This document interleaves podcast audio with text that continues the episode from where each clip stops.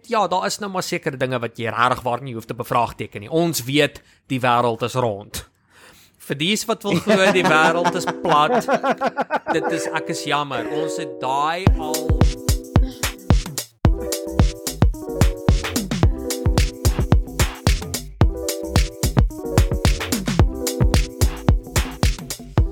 hy.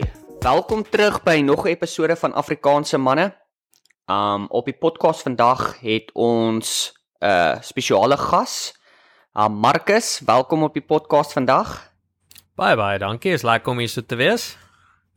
Dit is altyd lekker om jou te hê. En dan op die ander kant van die lyn het ons my goeie vriend Dewald. Welkom terug vir nog 'n episode, buddy. En baie dankie dat jy my weer genooi het. ja. Um So so so bietjie meer as 'n week terug het ek en Dewald het ons begin gesels en ek sê vir Dewald, ah, ek soek 'n ek soek 'n lekker topik waar ons kan gesels bietjie en ons het toe geëindig op uh die biblioteek van Alexandria. So voor ons die podcast begin en jy weet ons chat lekker oor hierdie subject en ons gaan bietjie in detail in, wil ek net bietjie konteks gee oor die wat nie weet wat die biblioteek van Alexandria was nie. So in die jaar 323 tot 258 BC was daar 'n biblioteek gebou in die stad van Alexandria. En die biblioteek was gebou deur 'n Griekse politician van Athens, um met die naam Demetrius. En hy het hierdie biblioteek gebou nadat hy gevlug het na Egipte as gevolg van politiek. En hy het toe vir op daai stadium was uh, King Ptolemy, ja, King Ptolemy was hy die ruler van Egipte gewees. En omdat hy so baie inligting gehad het en jy weet kennis van klomp dinge het hy hom oortuig om verder te kan leer en meer dinge te kan wil uitvind en verder te kan gaan om hierdie biblioteek te bou. So toe is hierdie biblioteek gebou en soos ons wat nou verder gaan praat in die podcast is hy later afgebrand en as gevolg van hierdie al hierdie inligting wat verlore is in die biblioteek het het baie mense oor die afgelope paar jare het hulle het hulle gesê soos uh jy weet ons het toe hulle daai biblioteek afgebrand het, was daar baie jare wat wat mense teruggesit was want daar was soveel inligting daarso wat verlore was van wiskunde tot science en comedy en um wette ekskuus en geskiedenis medicine wat 'n uh, eh, wat hulle verloor het. Tyd wat ek nou jy weet gespandeer het om al hierdie inligting te kry of bietjie op te lees en so aan het ek so 'n bietjie verskillende totale van hoeveel boeke hulle gehad het. So ek gaan maar ek gaan maar gaan tussen tussen die hoogste en die laagste wat ek gekry het. So hulle sê was tussen 40 en 700 000 boeke. so of scrolls althans want alles was op papyrus gewees. En die rede hoekom hulle so baie gehad het is almal wat na die stad toe gekom het met boot of getravel het of wat ook al die reël van die stad was as jy daar kom dan moet jy al die boeke of blueprints of enige iets wat jy gehad het wat op skrif was oorhandig en dan maak hulle 'n kopie by die by die biblioteek daarvan en dan gee hulle terug vir jou en dan het die biblioteek nou 'n kopie van die inligting. So ja, dit is maar net op so 'n so bietjie kort konteks te gee oor wat ons wil gesels en dan sal ons verder uitbrei oor wat verder gebeur het. Daar sê, so waar begin ons nou? Soos die um, biblioteek van Alexandria. Ja, dit was, dit was eintlik maar ook soos dit was nie net 'n biblioteek nie. Jy kan dit half vergelyk aan 'n universiteit. Soos jy sê, hulle het geskrifte daarso gehad oor wetenskap, oor geskiedenis, oor politiek, jy weet, wette wat geskryf is en goeie so. Ek ek weet soos voordat ek en jy nou begin gesels het oor hierdie het ek altyd gedink, jy weet, dit was net hierdie een Mamoorse biblioteek. Maar sies dat 'n mens meer lees oor dit kom jy eintlik agter, dit was eintlik dit was eintlik maar 'n baie groot universiteit, alhoewel bietjie meer primitief as vandag, maar dit was definitief 'n universiteit waarvan die mees geleerdste mense gekom het om toegang na al hierdie inligting te kry. Ja, ek stem, ek stem saam. Dit is dit dit, eh, dit daar was ek, ek het iewers gelees daar was tot 'n uh, 'n uh, diere gewees, eksotiese diere by die by hierdie biblioteek/universiteit gewees. Hoe ver ek weet dit waar is, weet ek nie. Ek het dit was nogal heel interessant. Hulle het gepraat van tiere en luiperde en alpakas en ek hoop hulle het maar nie net alles in dieselfde hok gehou nie, maar Loogse aard soort van. Dit was vir my, dit was vir my 'n heel interessante ding om te begin lees het, um want die groot storie as gevolg van die biblioteek is as as gevolg van dit was afgebrand en al die inligting was daar verlore. En natuurlik wanneer ook al daar so baie inligting is wat verlore raak, dan is daar baie konspirasie teorieë wat baie later daarmee saamkom omdat ons nie weet wat daar gebeur het nie. In in, in 'n geval soos die biblioteek van Alexandria wat verwoes was en al daai kennis wat verdwyn het dit veroorsaak half van half 'n tipe van 'n 'n donker era of soos wat die mens bietjie meer moderne uh, terme sal ken as dark ages met al daardie hoeveelheid van inligting soos wat jy genoem het die groot verskeidenheid van vakke wat hulle gehad het in hierdie biblioteek. As daai tipe van kennis verlore gaan, die die effek wat dit op 'n op op mensdom het na die tyd is eintlik nogal enorm. Baie dinge wat weer 'n keer uitgevind moet word of jy weet dinge wat dalk nie weer 'n keer uitgevind word nie. Daarso is argumentsontalwe gesprekke nie dat ek veel navorsing nie oor spesifiek gedoen het nie, maar daar word genoem soos uh hoe hoe die Egiptenare die die piramides gebou het daai hele proses was in die biblioteek van Alexandria gewees en uh, dis in moderne lewe is dit nou nie noodwendig belangrik om te weet hoe om dit te doen nie maar dit is nog steeds fascinerend om te weet dat hulle het daai met met menskrag gedoen nie met die moderne tegnologie wat ons vandag het nie en as dit waar is dat daai tipe van inligting verwoes was ek, ek, sal sê dit is nogal dis hartseer dis dis 'n dis 'n knak Jy weet en dit dit gee vir jou 'n idee van wat se ander kennis het ook verlore gegaan. Dit dit is 100% korrek. Ek stem saam met jou. Die, die groot ding is ek dink daar is meer as net die blueprints van hoe die piramides gebou was, is hoe hulle die stene gesny het, wat se tools hulle gebruik het om hierdie massiewe goed te kon skuif. Um jy weet wat op hierdie stadium gaan ons op wat mense dink daai tyd gebeur het um of hoe hulle of hoe hulle dit sou gedoen het in vandag se tyd met wat hulle gehad het maar hulle kon dalk heeltemal ander maniere gehad het om dinge te gedoen het.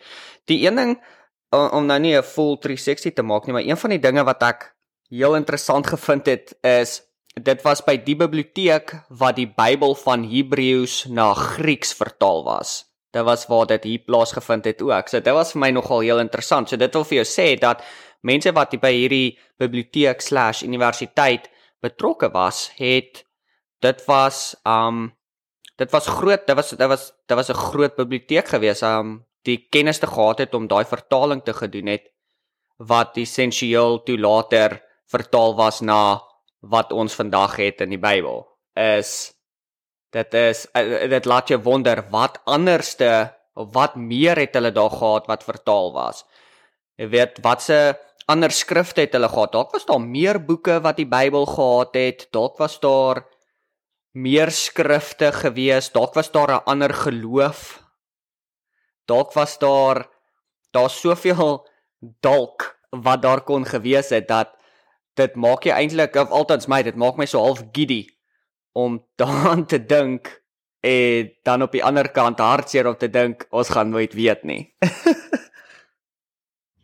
Ja, dit is daai voorbeeld wat jy gebruik het van die die eerste kopie van die Bybel wat vertaal is in die in die biblioteek. Is dit dat dat ja, uit die navorsing wat ek gedoen het is, is, is dit ook een van die dinge wat hulle genoem het.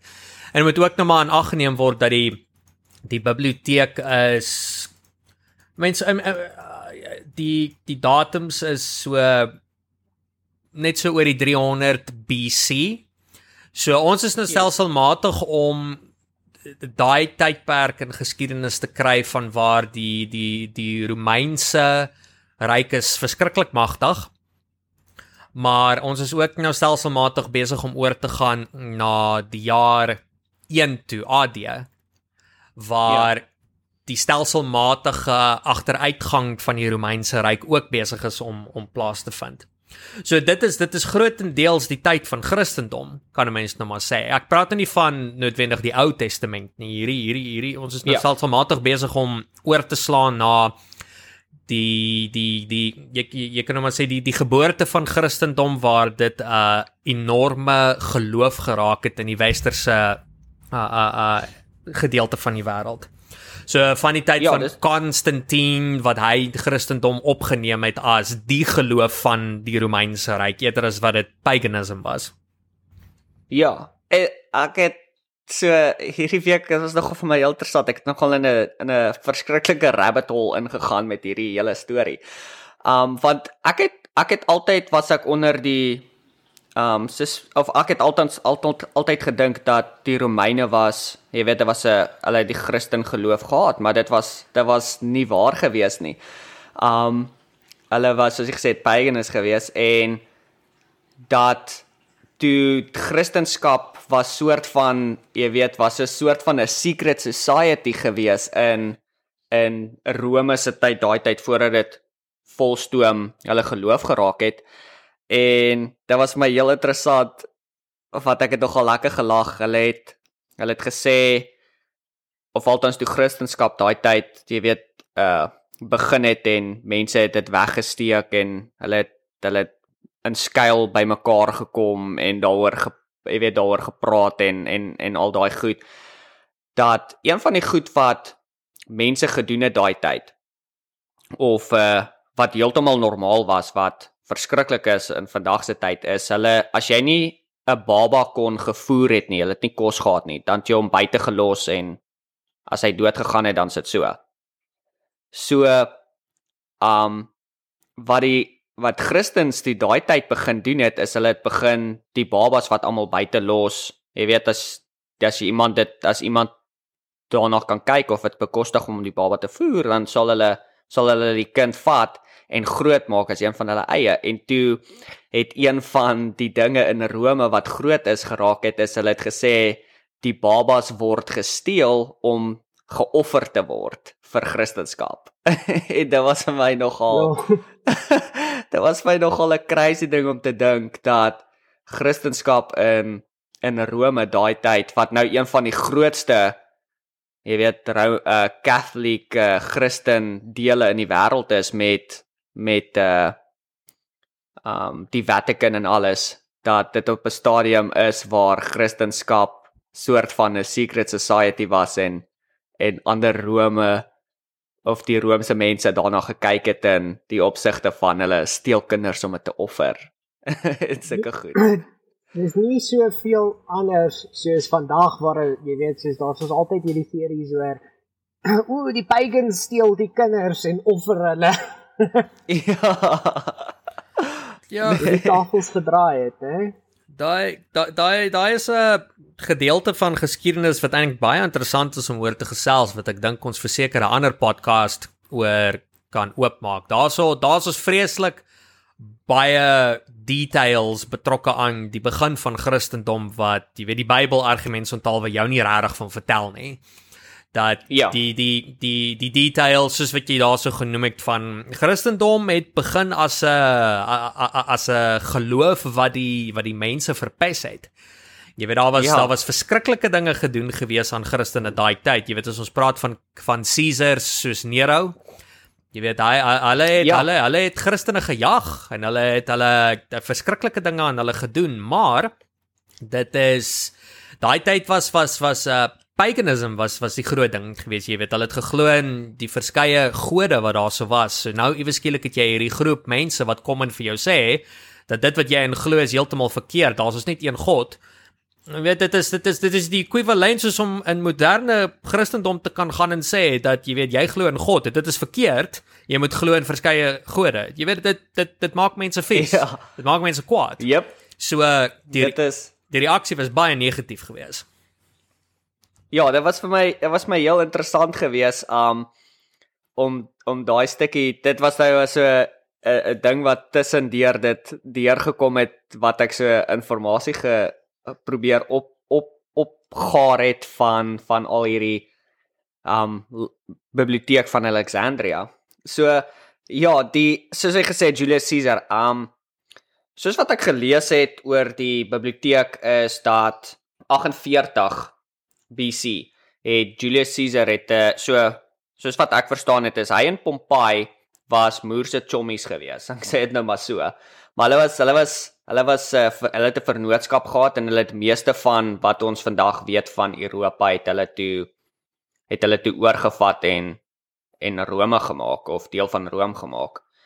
En toe was daar 'n uh, 'n geveg of 'n uh, daar het 'n uh, misverstand tussen Julius Caesar en Pompey gekom en toe maak Julius Caesar dit een van sy dinge om Pompey terug te kry Rome toe en jy weet soos laat laat hulle verhoor kan gehad het of jy weet kan besluit wat wat sy toekoms gaan wees. En so het Pompey toe gevlug Egipte toe en hy toe in die stad van Alexandria was hy gevang toe deur um ek probeer net dink wat was daai kinder daai kinder king child king van daai tyd gewees?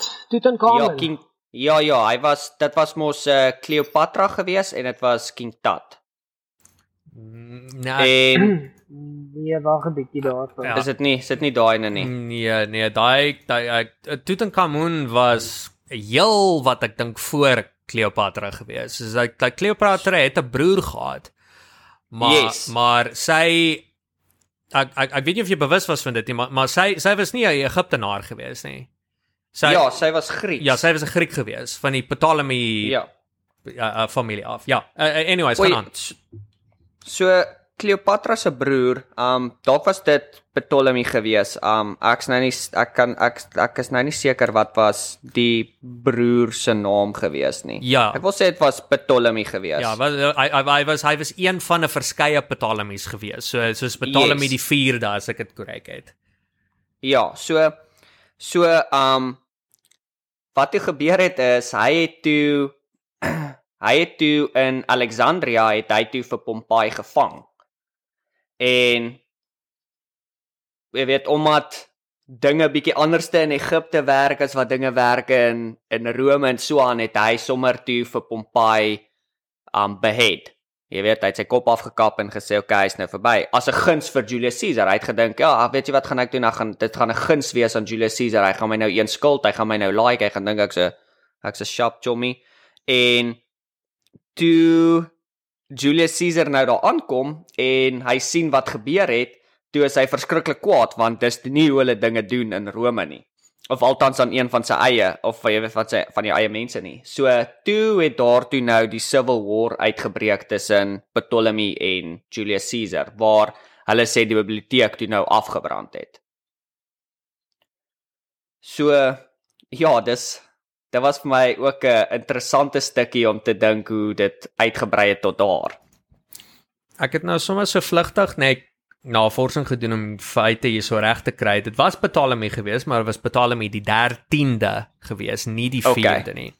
En um, ja, hy hy hy hy het dit gedoen met die doel van om, jy weet, 'n guns te doen vir Caesar want die die die situasie wat jy genoem het vroeër hulle in in Engels noem hulle dit the first triumvirate uh wat in Afrikaans yes. die die die eerste drie manskap wees wat tussen Caesar, Crassus en Pompey was en die drie het basies saam jy kan nou maar sê Rome beheer.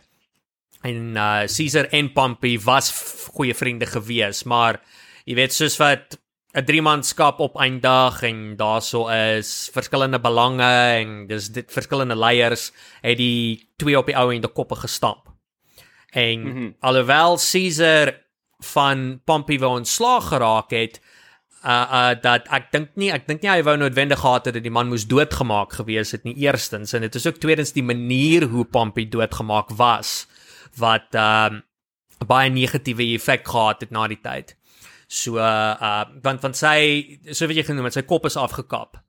En hy ja. was hy, hy was 'n baie hy was 'n trotse Romein gewees. Hy was 'n baie populêre Romein gewees. So die manier wat hy doodgemaak was, het Caesar ook half en half uh, jy kan nou maar sê hy hy hy het uh um ek kan nie Afrikaans sê maar barbaars gevind. Ja, dit was barbaars geweest, ja. Mm -hmm. En toe is die reaksie daarop was nogal baie sterk geweest. So daar was daar was 'n uh, burgeroorlog geweest wat uitgebreek het in Egipte tussen Cleopatra en haar broer Pompey. Want yes. soos soos vir dit vir baie lank was mans was gewoonlik dies gewees wat die leiers geword het van die land. So Cleopatra was nie ja. veronderstel gewees om leier te word nie, maar sy het die die die die uh uh situasie tot haar voordeel toe gevat. En oorlog het uitgebreek in Egipte tussen haar kant en haar broer se kant. En toe het Caesar het toe inbeweeg, uh, Julius Caesar nou, hy het inbeweeg in orde om basies in die middel te kom van die oorlog. En mm -hmm. dit, dit dit is nou wat ons nou bring na wat wat die een voorbeeld is van wat hulle sê hoekom die biblioteek afgebrand het. Want Caesar het 'n klomp skepe aan die brand gesteek in orde om in die middel van die oorlog te kom, maar toe het daai ja. einste vuur het toe so buite beheer geraak en hy het toe binne in Alexandria in begin sprei. En dit is wat ja. ons nou bring na die biblioteek wat toe aan die brand gesteek het ook en die verwoesting wat dit gesaai het vir kennis na die tyd. Ja. En ja ja, ek, dit, dit is dit is uh net so jy sê so dat ja boot was aan bodens was aan in die brand gesteek en dit versprei na warehouses toe of in die hawe rondom daar en toe verder in die stad en en uh ja ek ek weet net so dit was dit was dieselfde Cleopatra hierdie een wat deurmekaar was met Mark Anthony en Julius Caesar ook. Dit is dis die einste ja. Ja, okay. dit is vir my nogal heel interessant. Dis om dis dis vir my crazy om te dink dat 'n persoon soos Julius Caesar het so baie stokke in die vuur gehad in daai tyd.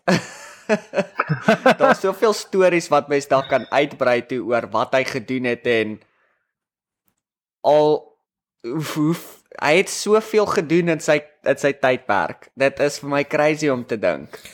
Wel dis dis dis weer eens 'n uh, gesprek wat ons in 'n ander podcast kan hê. Jy weet dat dat dat uh, Julius Julius Caesar was was 'n hy was 'n fenominale man geweest. Kyk, hy hy was nou maar 'n 'n 'n 'n bloeddorstige man ook gewees, jy weet as jy kyk na die verwoesting wat hy gesaai het in die noorde van Europa en dit wat hy gedoen het aan die yep. die goals en Maar maar maar jy jy kan dit nie van hom af wegvat nie dat hy was 'n fenominale leier gewees en die dinge wat hy bereik het en jy weet daar's soos daai gesegde van Caesar and and the the the the Rubicon as wat hulle van praat.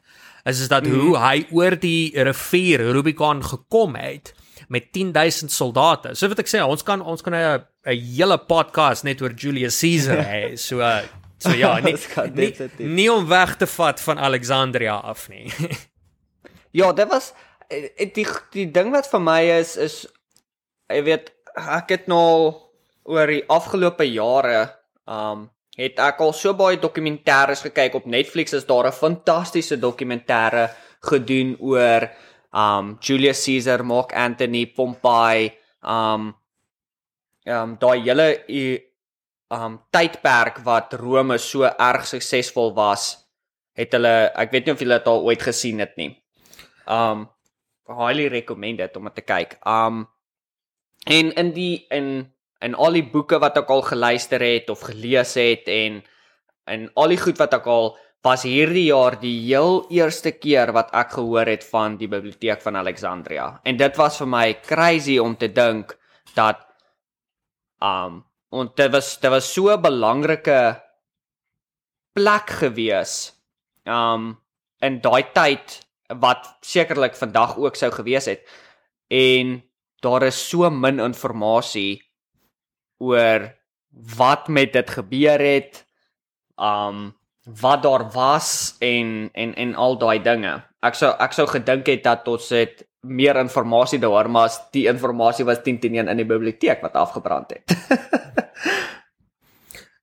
ja, uh daar's daar's ook maar daai ding van elke elke persoon het nou ook hulle tipe van weergawe van hoe hulle die geskiedenis oordra en en een hartseer gedeelte van geskiedenis is is, is, is dat die mense wat dit skryf het baie kere hulle eie opinies wat nie noodwendig die waarheid is oor wat gebeur het nie. Ja. Dit is dit is hoekom daar so so verskillende weergawe is oor wat met die biblioteek eintlik gebeur het. Het het Caesar uh, effek gehad daarop 10 teen 1 ja, het dit enorme verwoesting gesaai ja.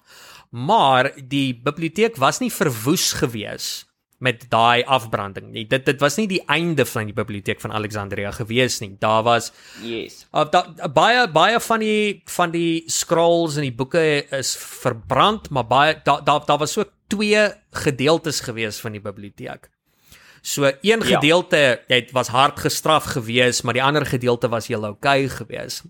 En dan praat ons nou ook van daar soos 'n periode na hierdie wat Mark Anthony en Cleopatra met mekaar te mekaar geraak het waar hulle sê dat hy het tot met iets soos 200 000 scrolls wat hy ge, geskenk het aan die biblioteek.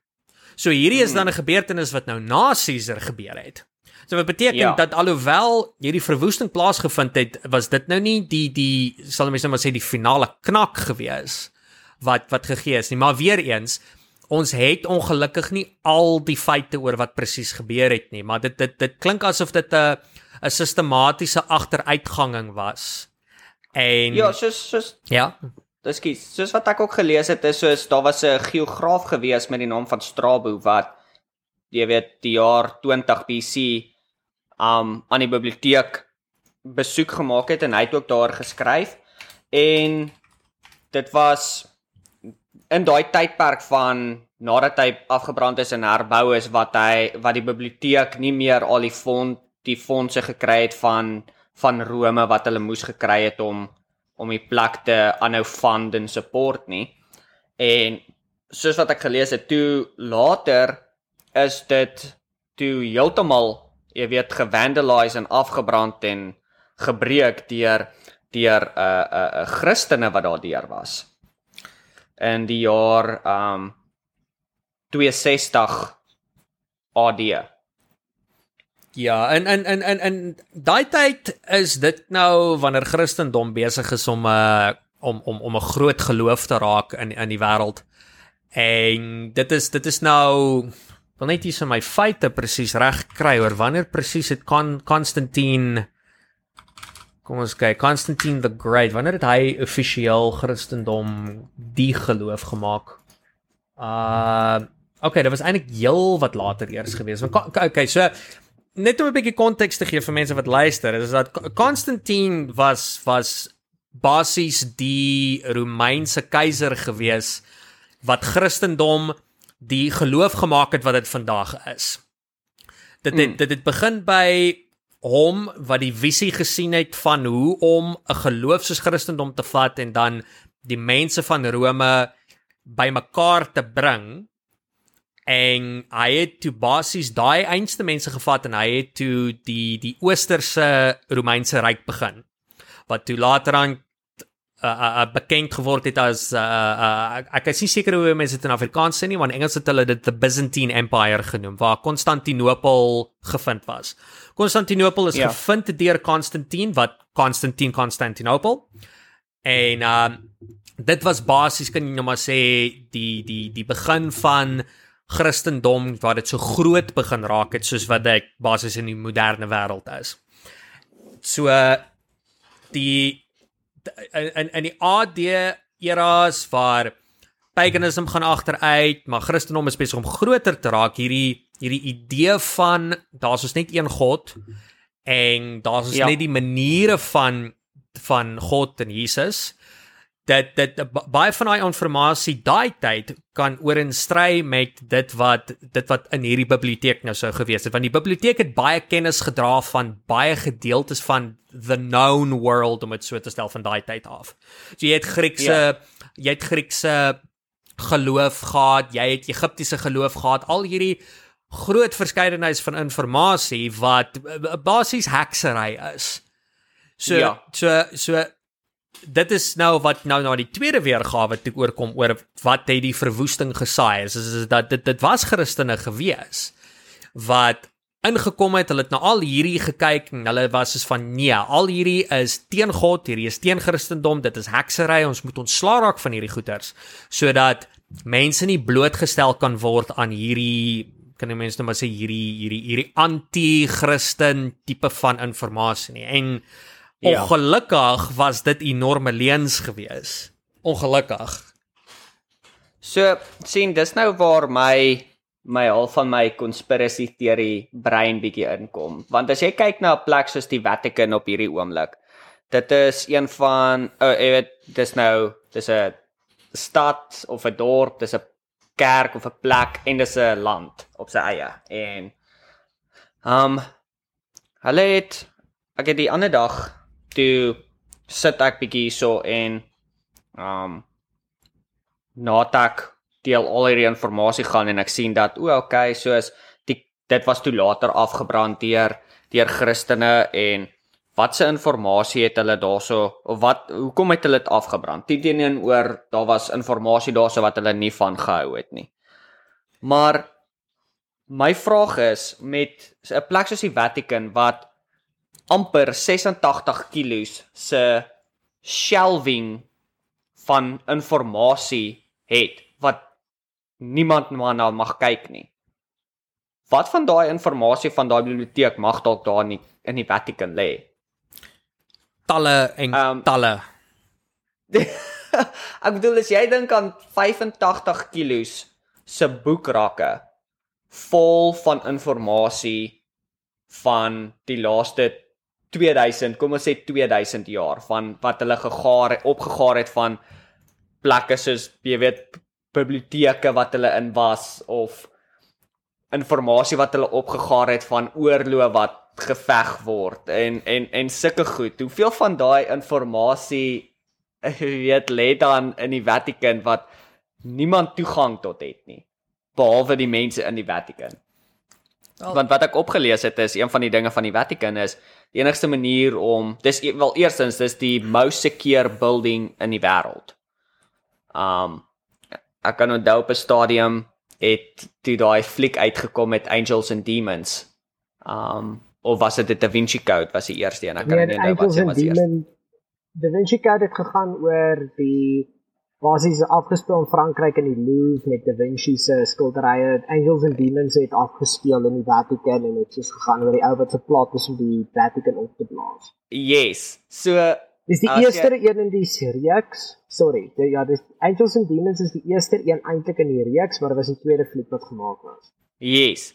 So as jy kyk soos 'n plek tot daai fliek waar hulle soos jy weet dele gebruik het van hoe die Vatican lyk, like, is soos dis insane oor jy weet soos daai plek lockdown en die suurstof word uitgehaal sodat as daar vuur is dat die, dit nie kan afbrand nie.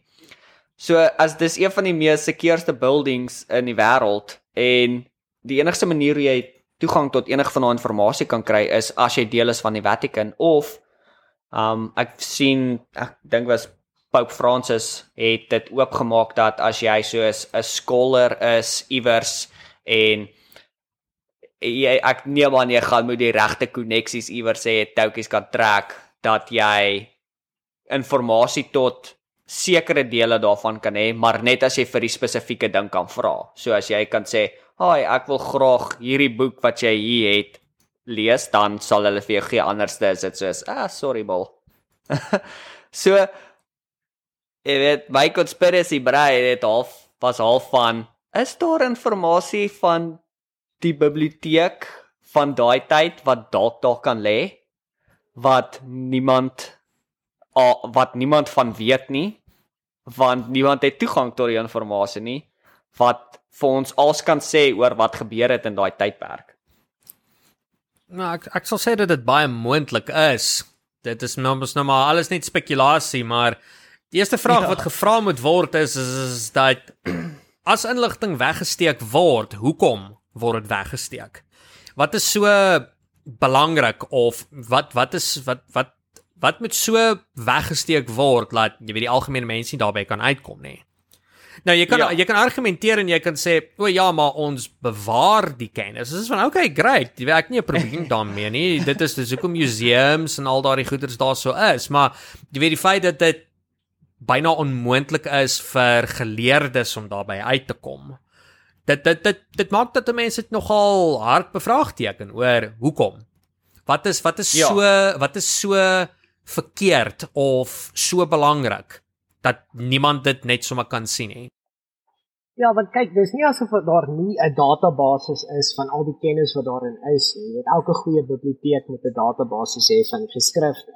'n Groot gedeelte van dit, if not all, van die tekste sal seker al vertaal wees in Italiaans of in jy weet een of ander taal wat mense wat daar nog wat mense nog steeds kan lees. Jy weet niks tegnies gesproke stop hulle om net gou-gou te gaan en 'n Google by of maar 'n webwerf oop te maak wat die hele Vatican Archives opsit dat enigiemand dit kan lees. Jy weet as dit nou gaan oor die bewaring van kennis en ons is bang mense vernietig dit.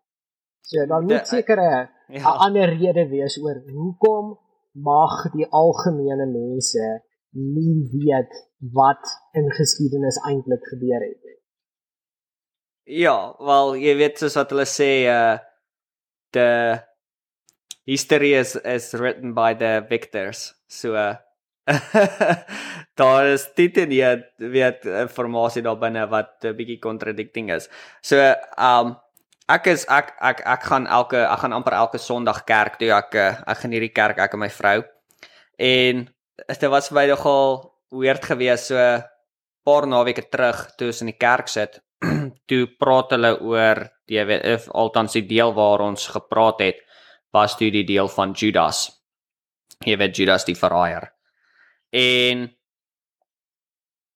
um al die ander wat wat noem hulle dit um die disciples die gospels ja die disciples da sê sorry ek het op die woord gekom wat die die disciples het het dit boeke in die Bybel behalwe Judas. En ek was soos wat's Judas se storie? Soos het Judas 'n boek geskryf? Het Judas boeke geskryf en en dit jy weet dis ek verstaan is 'n deel van die Bybel nie wat hy sê hy verraaier maar is daar inligting van van Judas oor wat ek ek ek ek althans dit was my brein was soos hy moet daar was 'n rede oor hoekom hy gedoen het wat hy gedoen het. En as hy geleerd of as hy geleerder was soos die ander disippels het hy 100% ook boeke geskryf oor wat hy gedoen het en uh, ja ek het maar net so klein Wikipedia page gekry met so klein bietjie inligting het jy weet dis sulke goed wat my wonder Ha, dalk is dit ook in uh, die Vatikan. ja, 'n boek soos daai. Jy sien dit is dit is baie belangrik om oor hierdie goeters te dink en dit te bevraagteken want dit dit dit is 'n belangrike punt wat gemaak word is is, is dat Judas is 'n verraaier.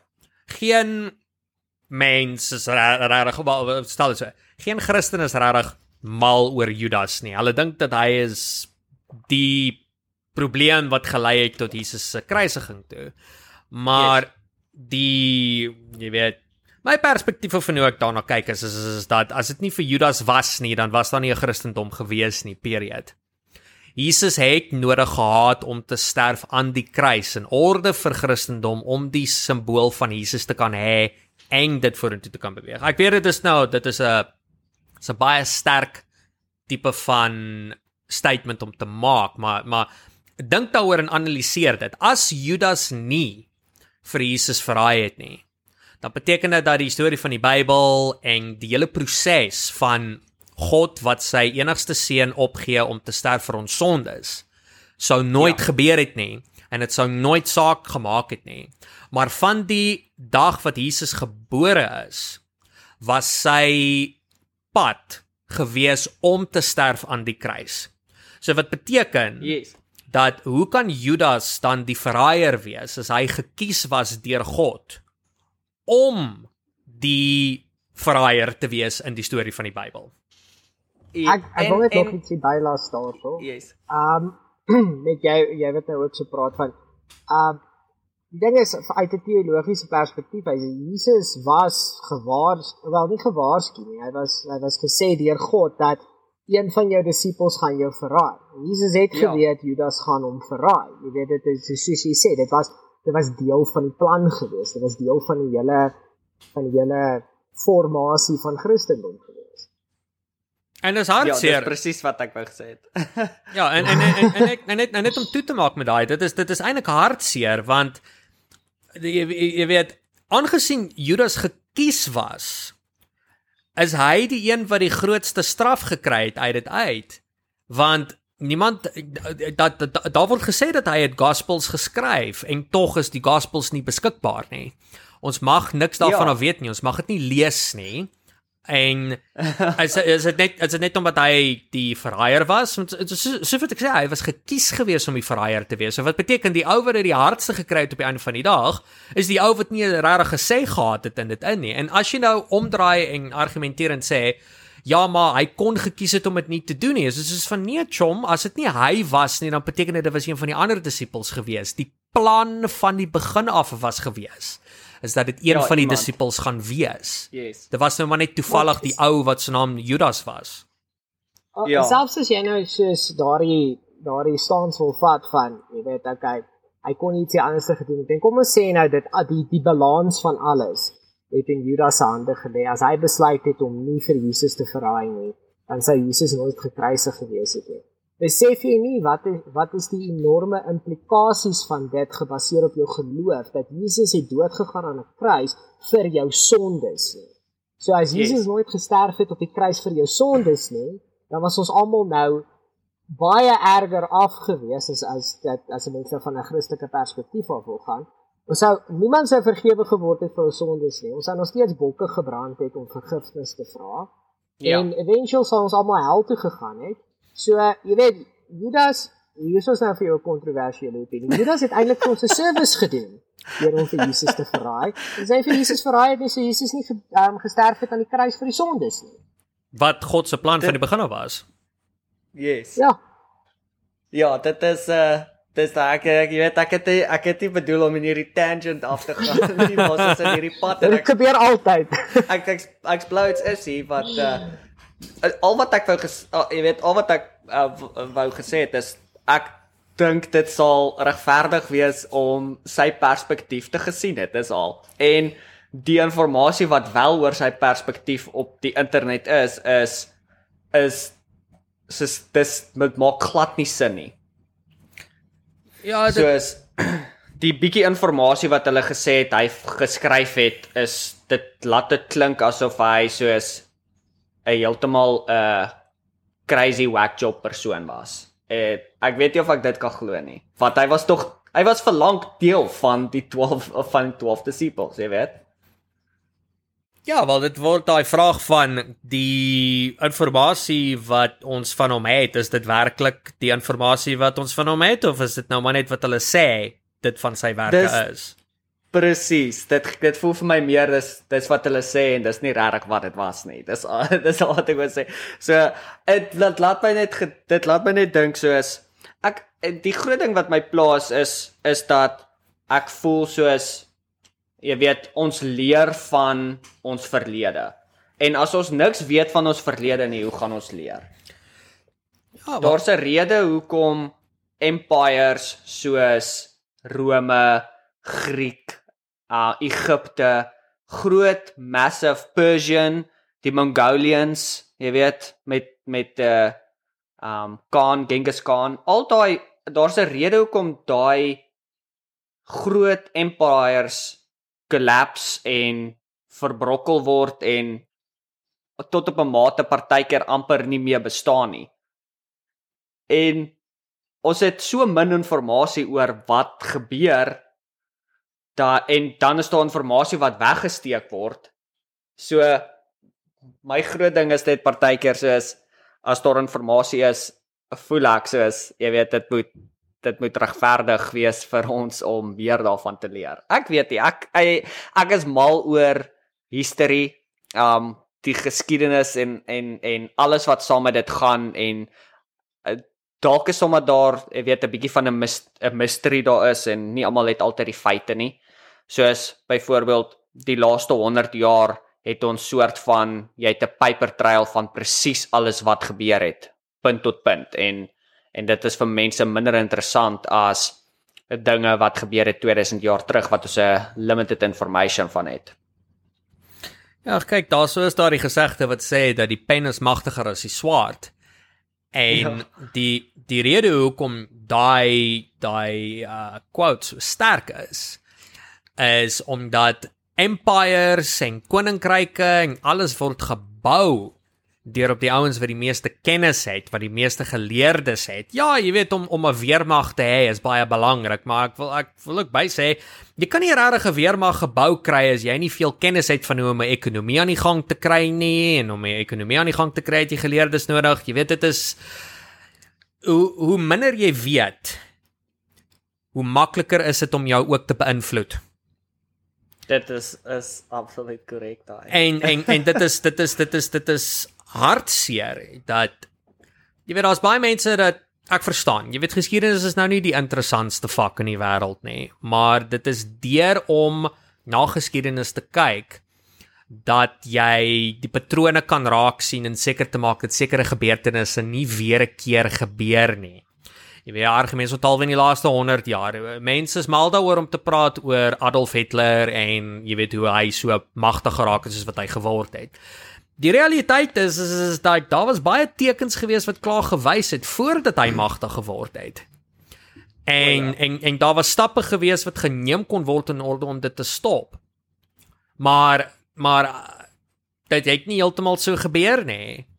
So dit is hoekom dit belangrik is om oor 'n figuur soos Adolf Hitler te leer. Jy leer van hom, jy bestudeer wat hy was en hoe hy magtig geraak het in die eerste plek. Sodat ons weet dit vir die toekoms dat ons nooit ooit ooit weer 'n keer 'n situasie soos dit kan hê nie. Want die die die ding is is dat hy hy het ook maar net magtig geraak te danke aan die tyd wat hy in was. As jy hom nou in vandag ja. moderne lewe in kan sit hy sal nie naaste by so ver kan kom nie. Uh, my opinie altyd hy sal niks kan doen nie. Hy sal nie nee, ek stem saam. Hy kan nie. Dit is net want die ekskuus die een ding wat hulle vandag ingebring het of althans wat ek dink goed is is soos propaganda word verban. As jy 'n uh, jy weet politieke kampanjes hardloop. Jy kan nie jy kan nie meer propaganda so sterk soos wat hy dit gehardloop het daai tyd. Ek kan nie meer inbring nie. Maar ek dink die groot ding is hy was hy was moerse lakkie gewees ook. Daar was gebeurtenisse in sy lewe waar soos byvoorbeeld toe hy in die weermag was en toe was hy 'n runner geweest en die gebou na waartoe hy gegaan het waar hy die stukkie inligting vergeet het waar hy moes terugdraai en toe sy gebou opgeblaas waar hy moes inwees of toe hulle die rally geloop het toe hy sy eerste kampanje verloor het toe hulle die rally geloop het en toe die polisie op hulle geskiet het en ek bedoel as hulle toe hulle sy sy vernoot langsom doodgeskiet en hy het oorleef as 'n ek bedoel as daai patroon jy weet 2 voet regs was, dan was hy dood gewees en dan het ons nooit 'n Adolf Hitler gehad nie. So ek dink met in in die konsep van Hitler was dis daar was hy hy was so lucky ook gewees. Hy ja, alles wat hy gedoen het was met sy doel om jy weet om daai diktatorskap te te te word, maar hy was so lucky ook gewees. Ek dink daar was dis 'n kombinasie van Dis is een van daai dinge waar ek baie keer dink is is daar's 'n rede oor hoekom hy daar was.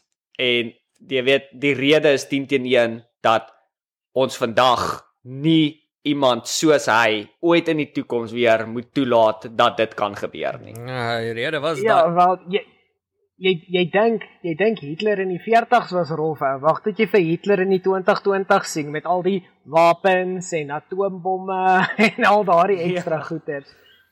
Ja, nee, dit is is die die rede hoekom hy magtig geraak het is grootendeels oor wat in Wêreldoorlog 1 gebeur het. Dis is van Chom, ek hoop dat jy het pen en papier om al hierdie idees neer te skryf want ja, kan nog baie baie in diepte gesprekke gevoer word. Kan 'n hele reeks van geskiedenis. Daar kan 'n ons kan 'n enorme reeks want dit is soos hoe hoe verder ons praat, hoe meer en weer meer word my my brein gekielie met al hierdie ander interessante dinge wat ons kan bespreek van jy weet die die well, Adolf Hitler wat wat hom geword het van die Romeinse tydperk af van jy weet daar's ons daar's ons ongelooflike interessante gesprekke en jy weet dit is dit dit klink asof ons wegbeweeg van die die die uh, uh, biblioteek van Alexandria af maar jy weet grootendeels al hierdie verskillende gesprekke word nog steeds mooi gekonnekteer in die kennis wat daarso in was en die kennis wat verlore is en hoekom dit so belangrik is dat jy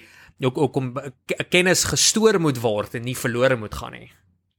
Ja, ek wil net gou opbou op daardie op daardie punt wat jy daarso maak van ehm um, jy weet hoe alles met mekaar connect. Korrek, korrek nie van rang, maar as ek dit nie mis het nie, die Vatikaan het ook nog 'n groot rol gespeel in die Tweede Wêreldoorlog en hulle het uit hulle nie op 'n manier ook die nasies bietjie beskerm aan die einde van die Tweede Wêreldoorlog nie. Ek is Dit nie mis het nie, het die het die, het die Rooms-Katolieke Kerk nog ons gehelp met die die vlug na Suid-Amerika toe en en sulke goeders. Maar ek kan verkeerd wees. Ek onthou net so ietsie dit, dit pop uit op my brein. Ek sal navorsing oor daai moet doen. Ek is nie heeltemal seker nie. Ag kyk jy jy jy het maar jou ondersteuners gehad. Daar was soos die argumente onthaalwe die die ehm um, die koning van Engeland op die stadium wat wat was sy naam? Edward. Dit was dit, dit was nie uh, laat ek my feite sommer gaan gooi so reg kry. Jy King George gehad daai tyd. Hy was hy was the reluctant king gewees het hulle hom genoem. Hy was die koning gewees wat nie koning wou gewees het nie. Maar sy broer Ed, Edward the 8th ah sy sy broer was 'n Nazi sympathizer gewees en mhm die die hele storie agter hom is, is is dat hy hy het in hy, hy het gekommunikeer met met Hitler en die Nazis. En die idee agter dit was is, is, is dat die Nazis sal toegelaat word om om Engeland te kan binneval. En dan sal Edward sal koning bly. Die empire van Engeland sal aanhou kan bly gaan, maar hulle is basies onder die die die Duitsers, die Nazi Duitsers. En dit het ja. dit dit dit dit het nie dit het nie plaasgevind nie. Daar daar's 'n hele storie oor, jy weet, hy hy hy het die troon opgegee en hy het hy het 'n vrou getrou, Amerikaner getrou en jy weet baie mense was teen dit geweest bla bla bla. Maar langs so die kort is is dat jy weet hy hy hy hy was die koning van Engeland geweest en hy het saam met die die die Nazis gestem. So, uh, ja. so so so ja, daar was daar was definitief groot figure gewees in Europa wat ondersteunend was teenoor Adolf Hitler. Dit dit is 'n feit. Maar I, I, ja, ek wil net gou terugkom. Dewald, jy is korrek. Um uh ek het ook op 'n stadium gelees en ek het ek het heeltemal daarvan vergeet tot jy dit nou weer opgebring het. Dit was die Red Cross in die Vatican wat soos duisende van die um Nazis gehelp het om te vlug en daar daar's 'n boek. Ek probeer dink daar's 'n boek daaroor. Dit was ouens wat ek dink was soos 4, 3 of 4 ouens wat soos 'n boek geskryf het wat hulle al die evidence bymekaar getrek het om daaroor te wys. Nou, of die boek toe eventually uitgekoop is dalk deur die kerk het die versprei was, die weet ek nie, maar um ek as ek ek ek ek, ek is ek moet ek as, as ek die boek kry, gaan ek dit in die in die show notes sit en ek sal dit met julle vir julle stuur ook. Maar ja, ek ek die jy dit nou so doen, dis ek sê ja, ek onthou ook die storie van die Red Cross in die Vatican en was 'n groot was 'n groot storie wat uitgekom het op 'n stadium van inligting wat gerelease is. Ja, ek het ook net sommer dit vlugtig hierso opgelees. Ja, jy is heeltemal reg. Hulle noem dit the rat lines. Dit was die die die Vatikaan en die Rooi Kruis het vir hierdie ja. hierdie uh um oorlogskriminele toegelaat om te vlug na Suid-Amerika toe. So ja, wow, ja, daai ja. daai is iets wat ek nie geweet het nie. Aha, ek is ek is nie ek's nie net stil nie ouens, ek luister en ek time ek time my my attacks. So sulke sulke klein knowledge bombs wat ek op julle gooi van die kant af. Ja, die, ek het ek het heeltemal daarvan vergeet. Jy het nou opgebring het toe slat dit my soos 'n plank het jy. Nou sê die rat lights. Ja, dit is 'n uh, uh Dit was nou, dit was nou heel interessant hoe dit uitgekom het. Ek onthou die een keer toe ek en Dewald eers, dit was in soos die begin van ons podcast het ons ook gepraat oor oor oor hierdie hele Hitler storie en toe het uh, Dewald gesê soos daai 7 clicks to Hitler op Wikipedia. Ja, wel. ons het dit weer gedoen. nee, dit kom altyd alles kom altyd terug op daai Austrian doos. Net net weer 'n keer vir vir al die nuwe luisteraars, ons het dit gesê in daardie eerste episode en ons gaan dit weer 'n keer hierso sê. Ons wil net almal moet ons mooi verstaan. Hitler was 'n doos. Okay? Niemand dink hy's great nie. Hy is regtig maar 'n voetbal gewees. Maak hom maar net seker almal hoor dit. Ja, hy was hy was uh hy was 'n interessante figuur gewees, maar dieselfde asem. Och, yes, hy Charles Manson is ook 'n interessante figuur. Dit beteken nie ons hou van hom nie. Nee, verseker. Dit is soos ek ek ek ek ek, ek dink regtig dat weet as as as iemand moet sê dat hulle hou van Adolf Hitler, dan sal ek sê dat jy weet jy moet jy moet daai woorde baie fyn kies want wat is dit wat jy van hom hou? As jy wil sê dat hy was 'n fenominale orator gewees, dan ja, hy was regtig waar 'n fenominale orator gewees. Maar jy weet al die ander klein of nie klein nie, die ander groot details, die jy weet die die die uh, Wêreldoorlog 2 en die uitvermoording van mense en jy weet die Jode in die konsentrasiekampe. Ja, nee, ek dink nie Ek dink dit jy jy jy vra vir groot moeilikheid as jy ooit in publiek moet sê dat jy jy hou van hom. Wel, jy weet ek het um net net my laaste punt oor hierdie dan kan ons weer teruggaan na die na die um Library of Alexandria gesprek toe. Soos ek het ons almal weet van Auschwitz, maar niemand baie mense verstaan eintlik of nie verstaan nie, weet eintlik van wat het aan die einde van die van die Tweede Wêreldoorlog begin gebeur rondom die waar dit geëvolve het van 'n konsentrasiekamp na 'n extermination camp. Daarso was mm -hmm. daarso was 3 van hulle waarvan Auschwitz een was. Ek kan nou nie die ander een se naam onthou nie, maar daar was een Treblinka of iets soos dit. Nie heeltemal seker nie, maar soos nadat Heinrich Himmler ehm um, um, geassassinate was, het sy kar opgeblaas. Toe het Hitler uh, nie nie Heinrich um Heydrich, sorry, sorry. Um Reinhard Heydrich, sorry. Nie Himmler nie. Nadat Heydrich geassassinate was, het sy kar opgeblaas. Toe het Hitler al van 'n flatspin gegaan. Hy hy hy dit het net hy het net meer mal geword. Toe het hulle begin met hierdie ding, hulle noem dit Operation Reinhard, en dit is nou die final solution soos wat ons dit tot 'n mate ken vandag. Waar hulle het hulle het letterlik moord ge-industrialize laat dit nou soos next level German efficiency is. Dit die proses by een van hierdie extermination camps was also was nie oornag fasiliteite nie. Also was nie plekke waar mense geslaap het soos Auschwitz nie. Jy het letterlik ingekom en met die trein, hulle het vir jou gesê, "Oké, okay, voordat jy gaan na jou kamer toe, gaan jy eers vir 'n stort." Jy was onmiddellik vergas en dan was daar so hierdie groep, hulle het hulle die Toten Joden genoem, the, the Jews. Basies Jode wat nou gesê was julle job is is om nou die die lyke uit die storte uit te haal. Dan word daai lyke onmiddellik na 'n na 'n krematorium toe gevat, 'n ver, verassingskamer toe. En dit was soos konstant. Daai trein het gekom, mense was doodgemaak vir as. Volgende trein kom. Dit was dit was regtig waar next level hoe hulle begin te kere gaan het aan die einde van die Tweede Wêreldoorlog. Ja. Ja, en dit is dit dit dit vra daai vraag nou weer eens van jy weet hoeveel hoeveel mense weet van die Treblinka konsentrasiekamp. Ja, ek, ek argument ontalwe, mhm. ek dit is nie die eerste keer wat jy my van hierdie een vertel nie. So so ek was bewus daarvan gewees, maar jy weet, 'n jaar gelede toe jy my die eerste keer daarvan vertel het, ek niks daarvan geweet nie. Ek het al heelwat navorsing oor Wêreldoorlog 2 gedoen in die konsentrasiekampe en ek het nie eers geweet van Treblinka nie. En dis weer eens dit is ja. hierdie tipe van goeters dat dis nie lekker om na te luister nie. Dit is verskriklike tipe van dinge om te weet en van te hoor. Maar ek ek ek sal nog steeds sê dit is dis belangrik vir 'n mens om hierdie tipe van goeters te weet sodat dit nooit weer kan gebeur nie.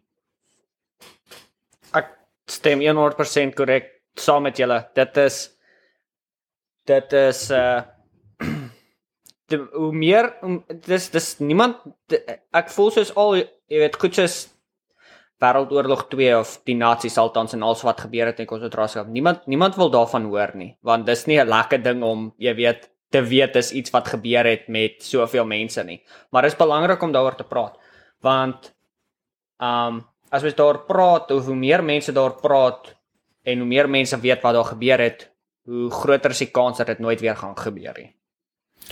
Ja, want jy sal altyd die tekens sien. Jy jy jy, jy sal darm die tekens kan sien voordat dit kom. So uh, maar ja, die die die skerry deel is toe Hitler se mag begin bou het toe was daar mense wat gewaarsku het. Daar was mense wat soos, "Hey boys, luister. Maar ek dink nie ons moet hierdie pad gaan nie. Dit gaan gevaarlik raak." En ja. jy weet, wel dit is dit is so daar daar was daar was mense wat geweet het. Ek voel net meer mense, hoe meer mense weet wat gebeur het, hoe meer jy weet hoe kleiner is die kans dat dit weer sal gebeur.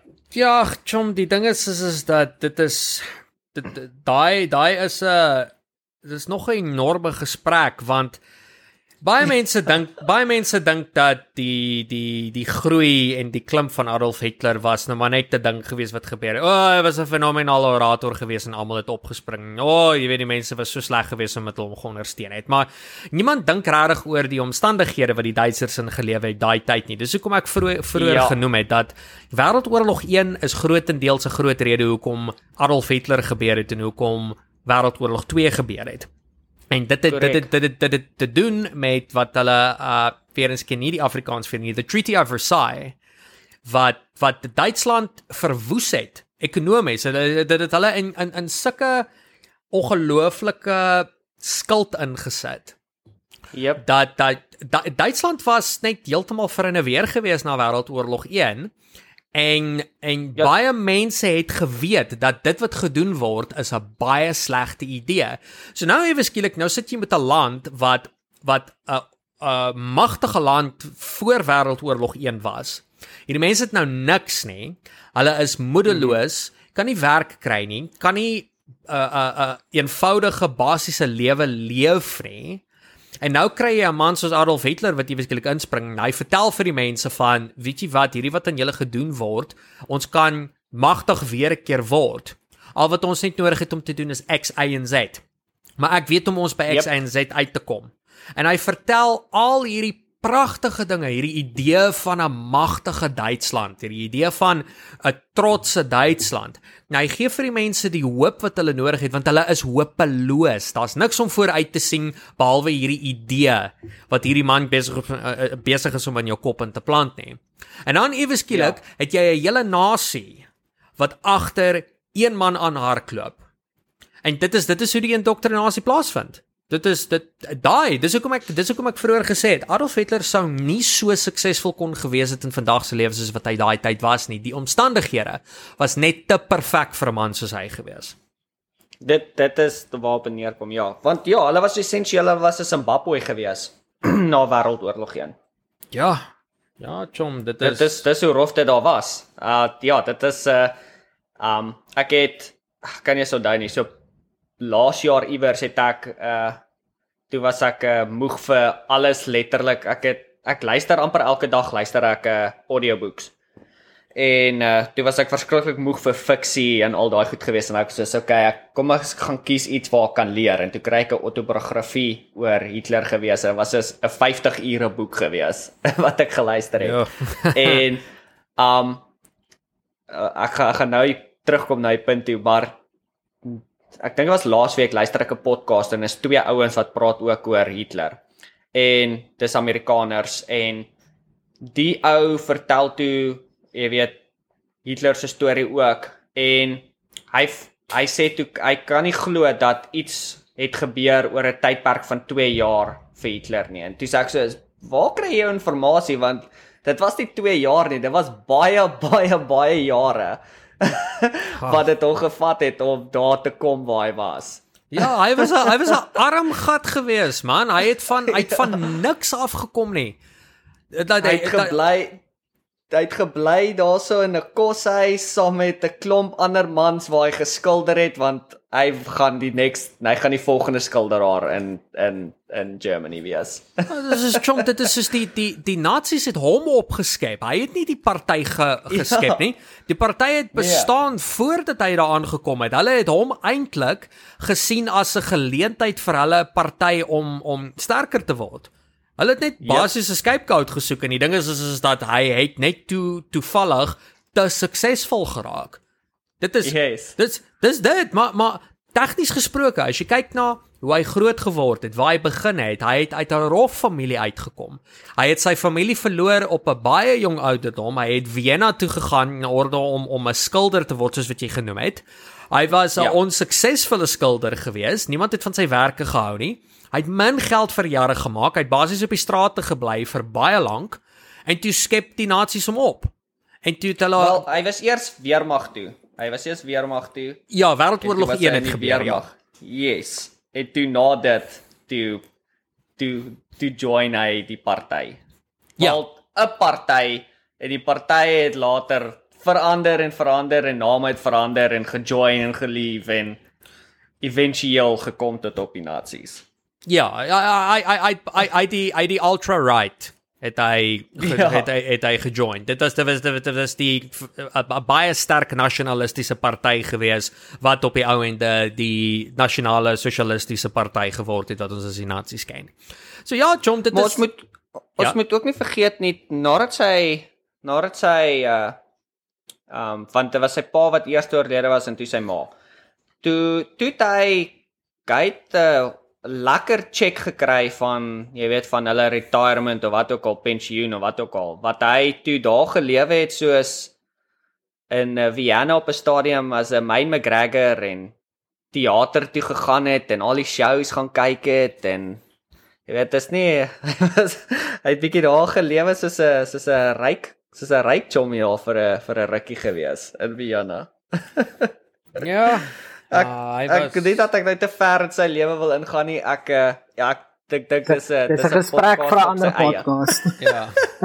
Gesprek vir 'n ander Maar ja. podcast.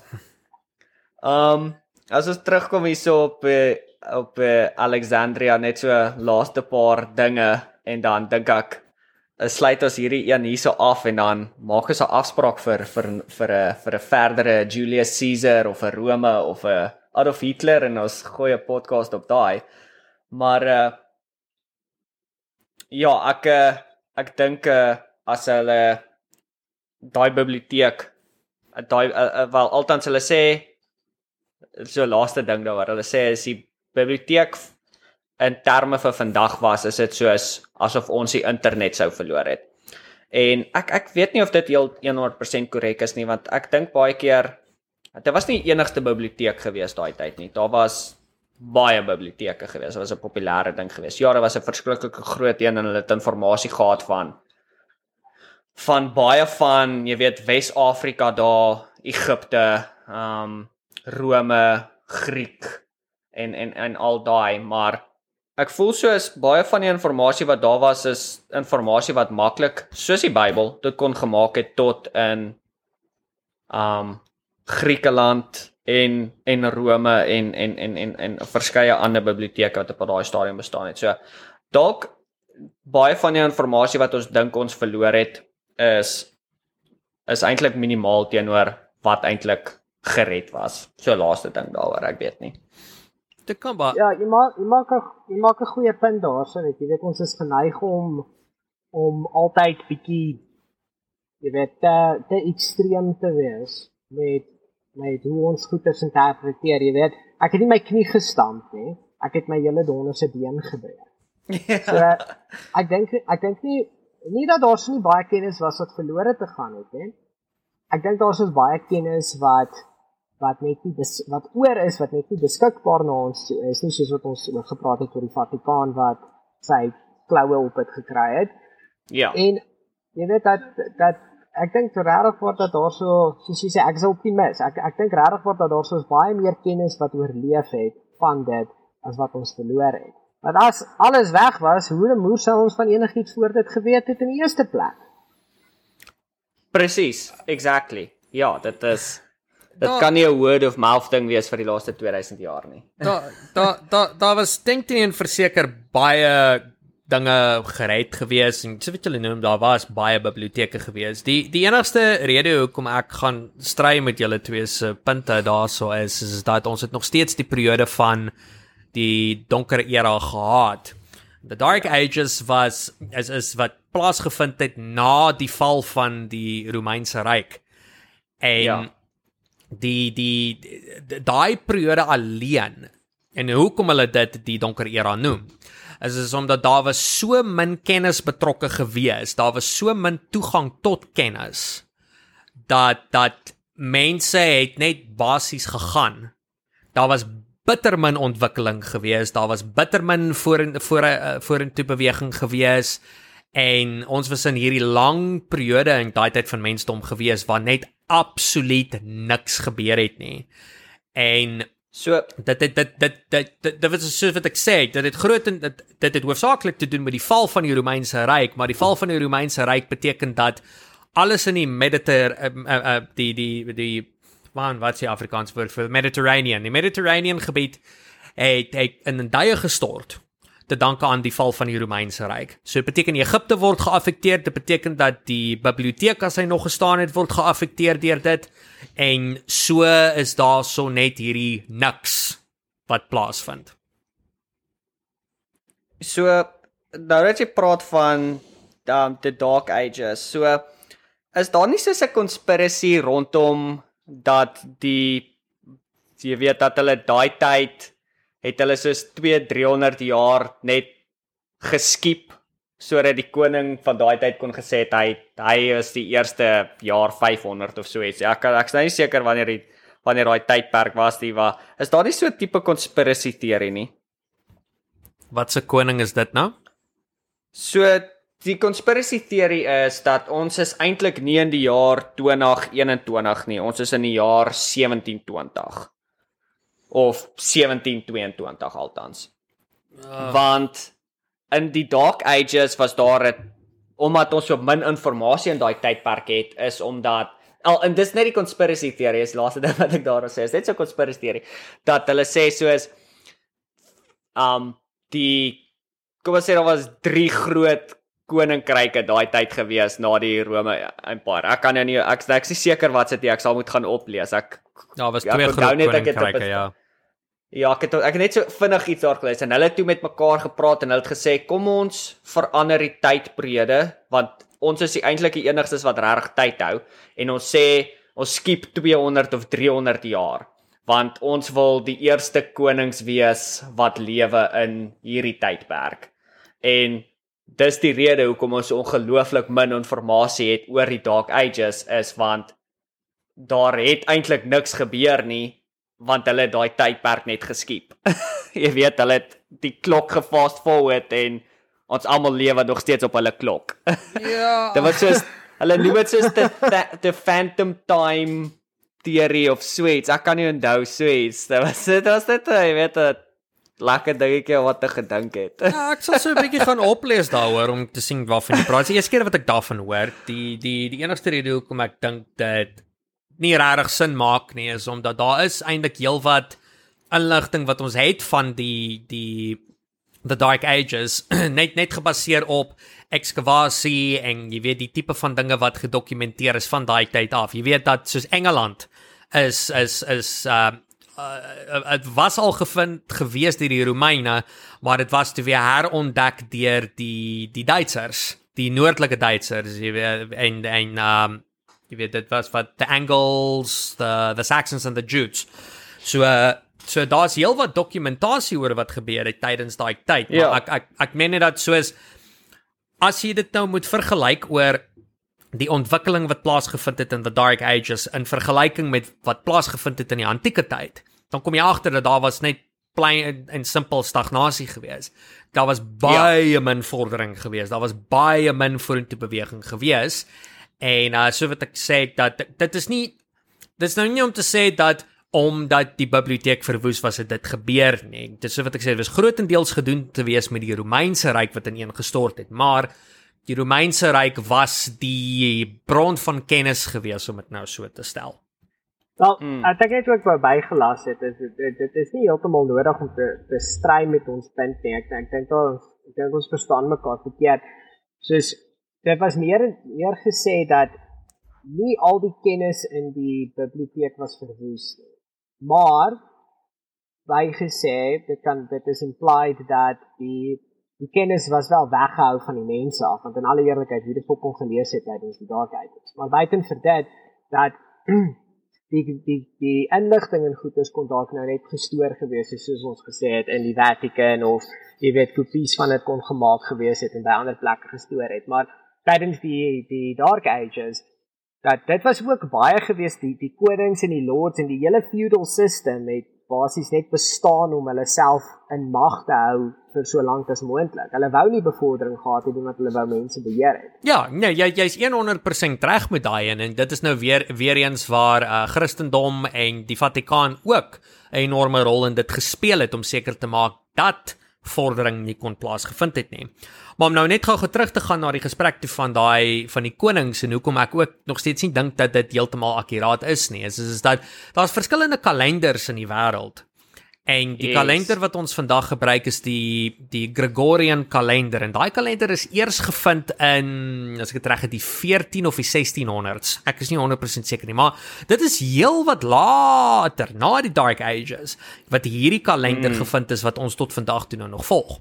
Maar nou intussen okay. is is dit met ons ook in ag neem dat die die westerse wêreld was nie die enigste wêreld gewees wat ontwikkeling gehad het. Jy het ook nou nog steeds die die oosterse ryk gehad. China en al daai lande het ook nog steeds dinge gedoen. So as jy daai selfde tydperk nou moet vat, jy meet die oosterse ryk teen die westerse ryk dan kan jy mos nou begin 'n konnektasie maak om te sê dat okay, jy weet as daar 300 jaar net weggevat is, fyn, maar jy weet hoekom het ons dan hierdie inligting wat in die ooste gebeur, maar ons het niks inligting wat dan hierso in die weste gebeur nie. Yes. Dat ek dink ek dink daar sou sou 'n tipe van 'n ding uitgekom het om te sê dat o, oh, okay, hierdie konings, hulle probeer nou net nou net vreeslik slim te wees, maar hulle is nou nie so slim nie. Ja, ek dink ja. dit is 'n bietjie dit is 'n bietjie far-fetched, maar dit is lekker. Dit is lekker om hierdie mal theories en goeters te bespreek en dit uit te hoor want regtig waarvan dit is net party goeters waar jy regtig waar net jou jou kop deur 'n tafel slaan so hard as wat jy kan want jy weet hoe kan iemand in hierdie kak glo flat earth maar um, en die ander ene is is um dis ander goeters is soos regtig waar dit dit maak dat jy jou kop krap en sê jy sê maar hierdie hierdie is plausible jy weet hierdie is hierdie kon wel gebeur het. Dit is nie onmoontlik nie. ja, dit is hoekom ja. ek ek ek is ook baie versigtig om te sê dat conspiracies is nie waar nie. Kyk, daar daar is daai's wat heeltemal absurd is. Maar ja. dan dan is daar daar daardie soos wat soos wat Dewald nou genoem het dat jy weet dit dit dit kill jou brein so 'n bietjie en jy jy jy dink maar hel as ek mooi dink daaroor daar daar's 'n moontlikheid vir dit is dit nie daar's Daar's ietsie daarso. Daar is ietsie ja. daarso. ja, maar maar ja, daar's Sorry, 'n belangrike ding wat in ag geneem moet word met conspiracy theories is is dat dit, jy jy moet baie versigtig wees oor dit wat jy vir feit vat. Ek sal altyd sê dat jy weet dit is lekker om te luister na dit, dit is lekker om te wil glo, maar op die einde van die dag is dit nie die waarheid tot en met ons behoorlike feite agter dit het nie. Tot en met dan toe is dit maar net 'n teorie. Dit korrek. Ja, dit is dis ek ek ek geniet 'n konspirasie teorie want partykeer partykeer is ek vasgevang in iets so erg dat 'n konspirasie teorie, jy weet, gooi my vir 'n loop en dit laat my dink, o, wag, kom ons kyk dit van 'n ander perspektief af. Nie noodwendig dat dit jy weet, dit is geroedel in feite nie, dit is net 'n uh, partykeer iets lekker om aan te dink. nou, daar is 'n daar is 'n definisie van intelligensie wat sê dat jou intelligensie word gemeet in jou vermoë om 'n kontrasterende punt te kan humor. Jy weet om met dit te kan speel. Al weet jy dit is ja. nie waar nie. Jy kan dit jy kan daai perspektief sien en jy kan dit volg tot sy logiese einde toe. So ek dink dit is great man. Ek ek hou van dit om weer conspiracy theories met mense te praat. Ek glo 90% van die kaak nie. Daar is altyd 'n 10% wat wat bietjie te te goed is wat jy nie net kan laat gaan nie, maar maar jy, jy weet jy moet dit jy moet dit kan entertain. Jy, jy moet dit net dit kan speel en daaroor dink. Dit dit in in sy kern is dit critical thinking wat 'n wat 'n 'n baie belangrike skill is wat wat, wat nie meer baie mense het vandag nie. Ja, want dit is definitief ja. belangrik om te dink en te redeneer oor dinge. Dit is hoekom, jy weet, ek ek ek gaan grootendeels daarbey dat As iemand vir jou ietsie vertel, luister na dit en neem aan ag wat gesê word, maar moet dit nie blindelings volg nie, moet dit nie net blindelings opneem nie. Jy moet vir jouself dink oor dit wat vir jou ja. gegee word. Al maak dit sin, is dit noodwendig die waarheid of is dit nie die waarheid nie? Dit is nodig om dinge te bevraagteken. Want as jy nie dinge bevraagteken nie, dan jy weet dan dan word jy ook nou maar net maklik beïnvloed. En so en, en ja, daar is nou maar sekere dinge wat jy regtig waar nie hoef te bevraagteken nie. Ons weet die wêreld is rond. Vir dies wat wil glo die wêreld is plat. Dit is ek is jammer. Ons het daai al 2000 jaar plus gelede al uitgesorteer. Copernicus het lank voor Galileo dit uitgesorteer. Het lank voor NASA het ons dit al uitgesorteer. Die wêreld is rond. OK, ons het nie nodig om daaroor te redeneer nie. Maar daar daar daar is ander tipe van dinge wat die moeite werd is om om oor te redeneer. En en, en ek sal ek sal veral in die rigting van geloof sal ek sê dat jy wees versigtig oor wat jy as letterlik opneem. Jy weet, volg jou geloof uh, uh, uh, dat doen die beste wat jy kan in die geloof wat jy is, maar moet nie alles net blindelings volg wat vir jou gesê word nie. Alles moet in perspektief geneem word. Um jy weet, uh dis dis dis dis ek weet ek voel dit is belangrik. Die groot ding is soos jy weet dit dit dit dit voel soos 'n ding jy moet dit nie dit moet nie eens 'n ding wees wat moet gesê word nie maar soos dink net vir jouself boetjie. Dis al. Ja gebruik jou kop. ja letterlik. En en en, en use your noodle. en ek meen dat as dit wat jy glo niemand seermaak nie of niemand skade doen nie dan ja jy weet as jy wil glo dat daar so 'n flying spaghetti monster dan then be my guest. Jy weet dit dit dit is nie veronderstel om enigiemand te pla nie. Dis net jy jy jy moet weet dit as jy jou kennis deel met mense dat dit gaan bevraagteken word en dit is grootendeels belangrik om jy weet jou evidence of jou redenasie te kan gee en jy weet as jou idees jy weet letterlik mense seermaak jy weet soos soos wat nazisme gedoen het dan ja dan miskien moet jy dit maar vir jouself hou nê nee. Presies. Miskien, miskien is dit dan net 'n kakkie idee. Ja. Net so. Maar ek dink ons gaan hierdie podcast hier afsluit. Um right. Marcus, baie baie dankie. Um Dewald, soos altyd baie baie dankie. Ek waardeer dit dat jy 'n bietjie 'n uur van julle tyd gevat het om saam met my te spandeer om bietjie te gesels oor al hierdie dinge. Ek seker die luisteraars gaan dit ook vreeslik baie geniet. Um Welkom aan al die nuwe luisteraars. Ons hou aan groei. Ek sê dit elke episode want elke episode as ek as ek opklik dan is daar meer en meer mense wat luister. So welkom aan al die nuwe mense en en dankie aan al die ou luisteraars wat elke keer terugkom. Um dankie vir die ouens wat bietjie op Facebook met my gesels en uh, boodskappe deurstuur. Ons het 'n Facebook page, so as jy daarop is, uh gooi ons 'n follow, gooi ons 'n share. Um as jy op Spotify is waar 75% van ons mense luister, gooi vir ons 'n rating daarso selfs op Apple Music of Apple Podcasts, uh, Audible en uh, al die 500 000 ander podcast waar ons uitsaai. So ja, dankie julle. Ek waardeer dit regtig opreg. Hierdie was 'n baie lekker chat gewees. Ja, baie dankie dat jy my genooi het. Sal baie graag weer betrokke wil wees in die toekoms.